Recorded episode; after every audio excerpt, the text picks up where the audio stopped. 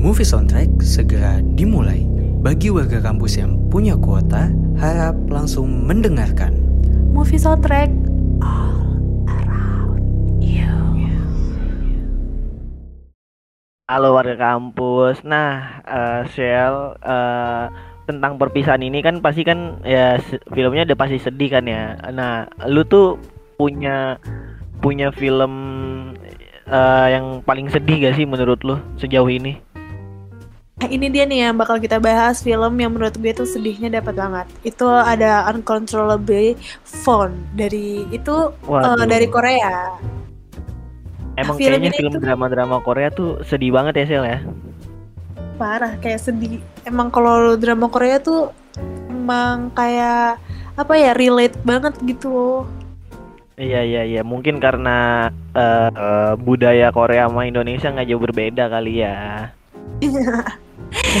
Oke, jadi film ini adalah film serial televisi Korea Selatan yang disiarin di KBS tuh pada musim panas tahun lalu 2016, tepatnya pada 6 Juli 2016, dibintangin oleh Kim Woo Bin dan Bae Suzy.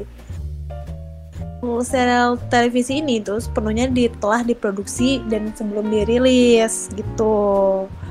Jadi Un- Uncontrollably Phone ini merupakan proyek terakhir yang melibatkan Kim Woo Bin sebelum dia memutuskan untuk mengambil jeda karena masalah kesehatannya dia sendiri.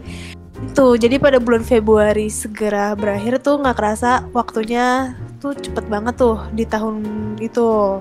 Nah bulan kedua si Masih eh, berjalan 29 hari. Biasanya banyak banget film bertema romantis yang bermunculan, tapi kali ini eh, mengulas drama lama yang cukup berkesan. Drama dari negeri ginseng ini berjudul Uncontrollable Phone ini ditayangkan pada tahun 2016. Dibintangin aktor dan aktrisnya yang cantik serta rupawan di samping segi kualitas akting mereka juga bagus banget nih. Si Kim Woo Bin sama Bae Su- Suzy itu aktingnya kan emang udah chemistry-nya udah dapet banget tuh mereka berdua. Iya iya benar benar benar. Lu boleh dong ceritain sedikit ke warga kampus Wan ceritanya. Nah, jadi itu drama film ini tuh bergenre melo rom- romantik. Jadi eh, film ini tuh eh, menceritakan nih tentang kisah cinta seorang bintang yang sedang naik daun bernama Shin Jun Young atau Kim Woo Bin tadi dengan seorang produser film dokumenter yaitu Noh Ol atau Bae Suzy. Nah, sebenarnya nih mereka ini tuh udah saling mengenal pas lagi waktu remaja nih, tapi dia sempat terpisah karena sesuatu hal yang eh, dipertemukan kembali dan dalam keadaan yang nggak tepat gitu. Jadi pas lagi remaja nih dia kayaknya ya cuman sekedar kenal doang, cuman nggak deket gitu. Nah sebagai aktor terkenal nih si Shin Jung Jung ini tuh selalu diawasi oleh semua orang nih, terutama penggemarnya karena udah jadi dia artis gitu kan lah ya. Terus dia tuh kayak nggak nggak ada yang tahu nih di balik sikapnya yang terkadang arogan dia tuh kayak apa ya menyembunyikan eh, penyakit parah atau kanker otak yang dideritanya bahkan menurut diagnosa dokter masa hidupnya tuh cuma beberapa bulan doang. Nah, konflik cerita drama ini tuh bermula ketika sang ayah dari Neol itu menjadi korban kecelakaan tabrak lari. Ayahnya ditabrak oleh Jing Un atau Lim Ju In, seorang putri dari pemimpinan partai pada waktu itu dan berbagai cara nih dia udah nutupin kesalahannya dengan bantuan seorang jaksa memalsukan catatan tentang siapa yang melakukan tabrak lari. Nah, Choi Hyun Jun ini merupakan ayah dari Cho Ji Tae atau Im Jo Hwan yang selalu membantu Neo. Nah, jadi itulah sedikit eh, cerita dari film Uncontrollably Phone. Sekarang kita mau bahas lebih lanjut lagi. Punya beberapa fakta menarik nih dari film ini. Ada apa aja tuh Shell kalau boleh tahu? Nah, ternyata Wan, drama terakhir dari Kim Woo Bin ini ternyata punya kesamaan sama kisah aslinya di dunia nyata. Nah, Nah, kenyataannya ini tuh ada banyak banget ya. Ternyata dan kita bakal bahas satu-satu. Yang pertama itu berprofesi sebagai aktor. Kim Woo Bin itu sendiri mewakili karirnya sebagai model, sedangkan Shin Jun Young adalah aktor sekaligus penyanyi. Nah, keduanya tuh sama-sama terkenal sebagai aktor. Karena karakternya wajahnya yang keras, Shin Jon Young dan Kim Woo Bin banyak sekali mendapatkan peran yang berdarah-darah gitu deh. Pokoknya Bisa mantap juga tuh. Terus ada Iya, apa lagi bener. Michelle? Terus eh, yang kedua itu ada mengidap penyakit mematikan. Ternyata di dunia relate dia juga punya penyakit. Sementara Shin Jong Yong mengidap tumor otak, Kim Woo Bin juga mengidap eh, kanker nasofaring. Pokoknya keduanya sama-sama punya penyakit yang mematikan yang membutuhkan waktu perawatan kemoterapi. Namun bukan berarti nggak bisa sembuh gitu. Selanjutnya apa, Wan? Wih, eh, sedih banget nih ya kalau misalkan dari fakta-fakta yang tadi udah saya kasih. Nah, ini gue juga eh ini romantisnya nih Sel. Kalau lu kan tadi kan bagian yang sedih-sedihnya, kalau gue yang romantisnya nih. Jadi, iya. Jadi faktanya ini, jadi memiliki pacar yang selalu ada buat mereka. Gila sih, keren banget. Jadi ini temen eh, pacarnya ini tuh selalu ngedampingin di saat dia lagi sakit. Bahkan dia juga pas lagi si si siapa si Shin Jung Yong tuh eh, lagi sakit kan. Terus akhirnya si pacarnya itu si Shin Min Ah tuh langsung ngasih statement kalau misalkan dia tuh bakal ngebantu pacarnya sampai eh, lebih baik selama menjalani perawatan gitu. Dia keren banget sih. Terus juga sifatnya si Noh Eul sendiri nih di dramanya itu yang di ya di filmnya itu dia tuh ber apa ya perilakunya tuh manis banget gitu kayak seorang istri buat Sing Jung Yong jadi kayak bener-bener menghayati banget lah gitu Zaman banget ya Nah. berarti. iya bener bener bener nah yang keempat nih ada kayak gaya hidup yang enggak banget maksudnya dia tuh kayak apa ya hmm, agak aneh Orang sih perokok. dibilangnya iya iya karena gitu kan ya. Iya, dia kan su eh, si Kim Woo Bin ini kenapa sakit mungkin karena alasannya seperti itu kali ya, karena dia kan tuh perokok banget nih, terus juga suka minum gitu. Jadi gaya hidupnya ini tuh kayak membuat kesamaan kayak di filmnya nih sebagai Shin Jung Yung. Jadi Shin Jung Yung tuh juga pernah bilang kalau ke eh, Noh eh, kalau misalkan dia tuh nggak pernah makan makan yang dimasaknya dengan hati makanya dia tuh jadi sakit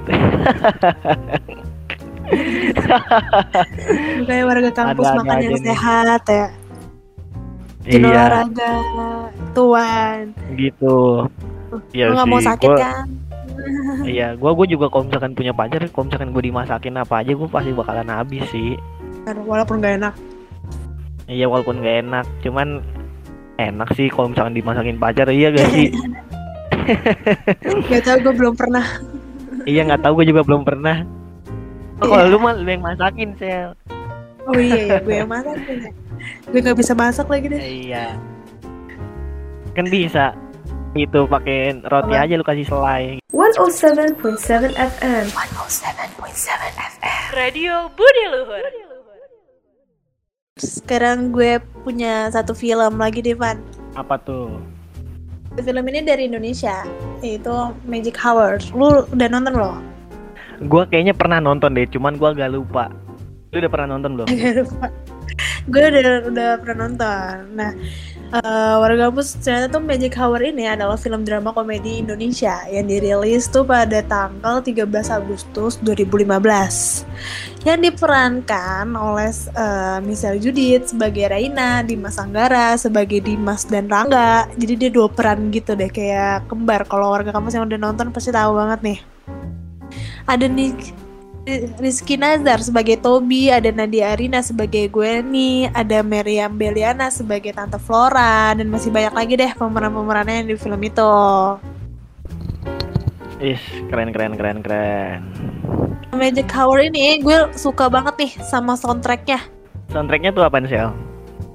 Soundtracknya Magic Hour ini adalah karya dari Randy Matari yang dirilis pada 19 Agustus 2015. Album ini menampilkan tiga buah lagu dan enam buah lagu lainnya dinyanyikan oleh Rizky Nazar, Fanny Lupita, Tui, Michelle Judith. Nah lagu utamanya itu ya judulnya Magic Hour. kampus bisa banget tuh la- langsung nyari di YouTube. Itu lagunya enak banget. Oh iya iya iya. Iya iya gua gua tahu tuh lagunya seru banget nih. Eh penyanyinya siapa? Rizky Nazar yang yang lagi rame ini bukan sih? Rizky Bilar ya yang lagi rame atau beda ya? Apa sih? Yang nikah sama Les. Beda ya. Beda ya? Iya. Tawa aja nih sering nonton Lambe Turah nih Sheila. Iya dong. Harus update. Oh iya, karena movie soundtrack ya kan. Tuh.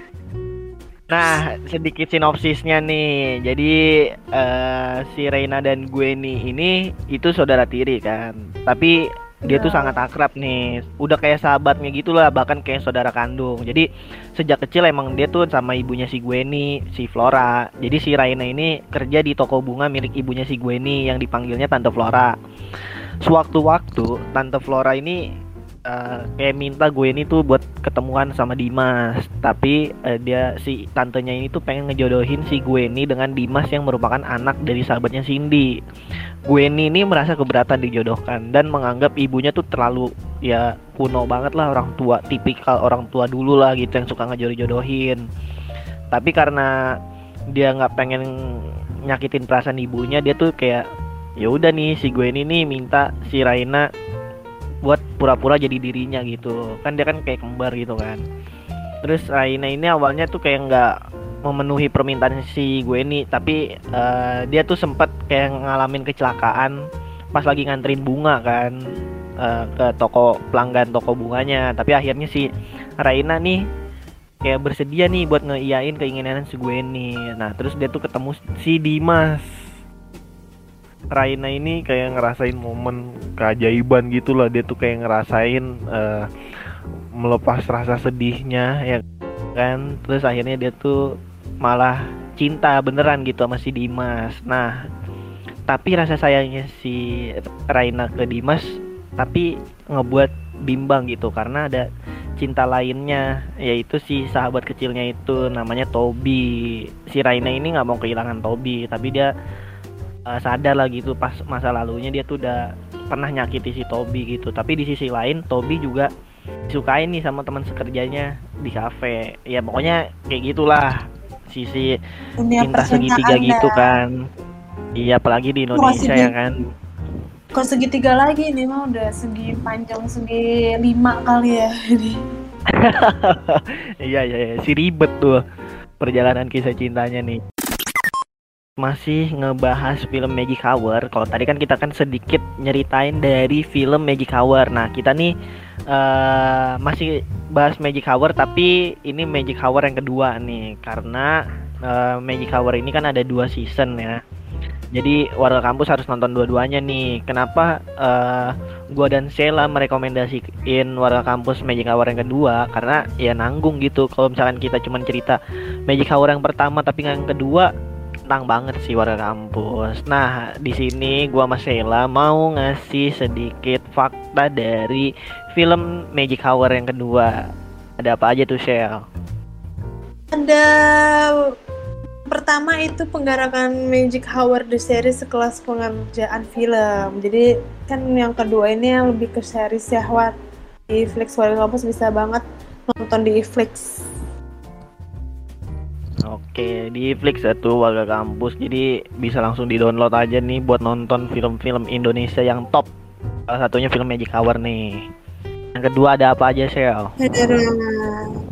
Yang kedua ternyata tuh eh, kisah cinta yang di Magic Hour itu di apa namanya di setting biar relatable banget sama kehidupan mili- millennials masa kini nggak nggak sekedar yang minyi-minyi banget tuh gitu Oh iya, ya, menye-menye tuh kayak yang eh kalau misalkan mau makan disuapin gitu kali ya. Terus kalau misalkan mau Iya. jalan digendong gitu. ya lu gitu ya Ya kalau gua mah nggak apa-apa sih kalau cewek mau kayak gitu. Ya, gua kan bucin. Iya. Nah, yang ketiga selanjutnya ada apa Wan? Nah yang ketiga ini kan eh bisa ditonton eh, di iFlix nih ya supaya eh, masyarakat atau warga kampus itu bisa ngerasain film eh, Magic Hour tuh uh, di mana pun dan kapan pun gitu. Terus uh, dari semua film Magic Hour ini tuh banyak banget dibintangi sama film-film uh, artis muda terpopuler dengan acting yang mantep nih. Salah satunya ada Michelle Judith yang pemeran utamanya terus juga ada Maxim Butir Maxim Maxim Butir ya bener. Jajaran pemain Magic Hour series 2 nih juga uh, didukung sama aktor terpopuler gitu. Ada di Mas Anggara ya kan? Terus ada Ayushita.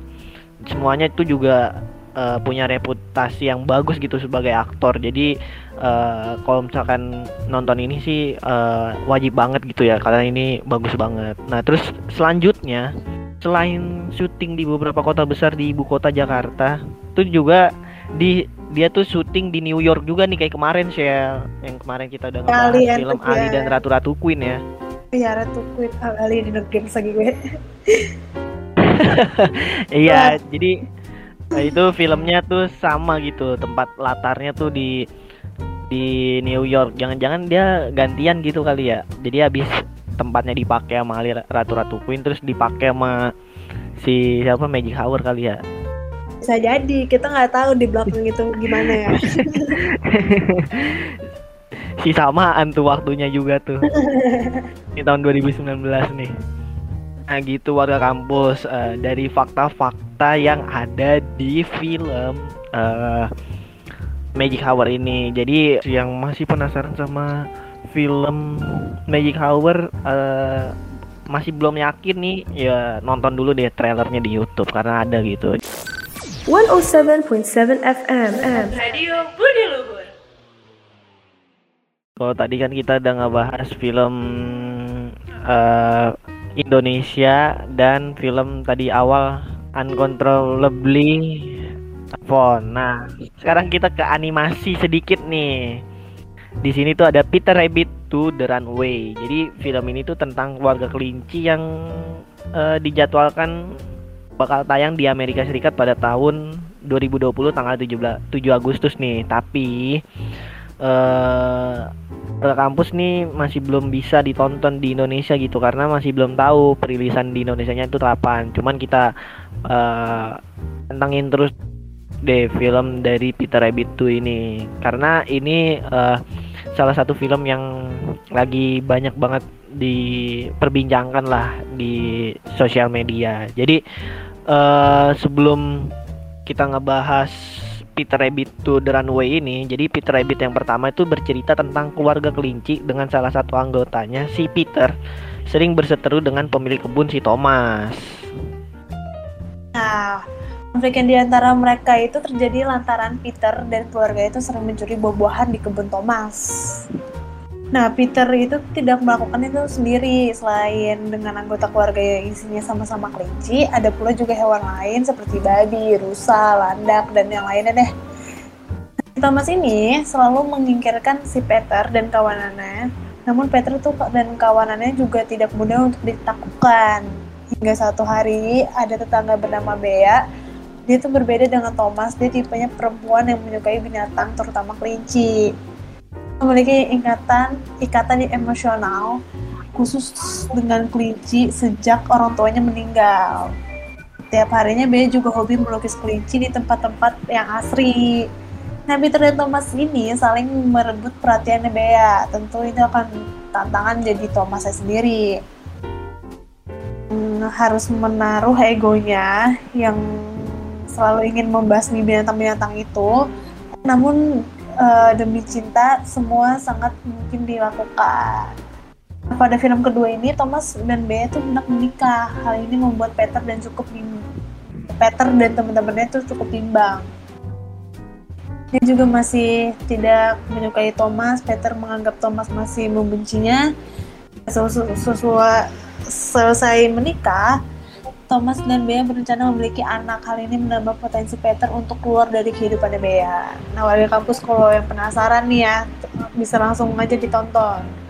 Oke, itu dia uh, dari film si Peter Rabbit itu uh, kita tuh masih nggak tahu ya kapan perilisannya, cuman dari sedikit alur ceritanya tuh bagus banget sih ya nggak sih Bener, jadi ya kelinci nyasar biasanya kan kita nemunya kucing nyasar ya ini kelinci gitu loh.